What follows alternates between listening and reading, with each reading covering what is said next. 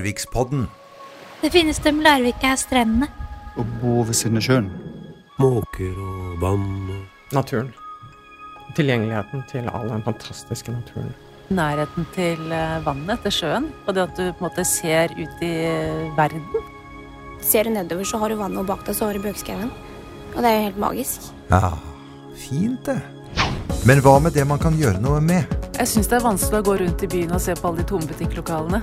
Så får du liksom følelse av at, det- at Larvik er noe som var, og ikke så mye noe som er.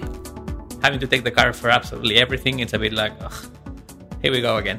Kommunen engasjerer seg altfor lite i kunst. Vi trenger mer tilbud til ungdommene generelt sett. For de flyr opp i byen og har, har egentlig ikke noe sted å ta seg ordentlig te. Det hadde jo vært mye gøyere å bo i Larvik hvis det var flere unge mennesker her.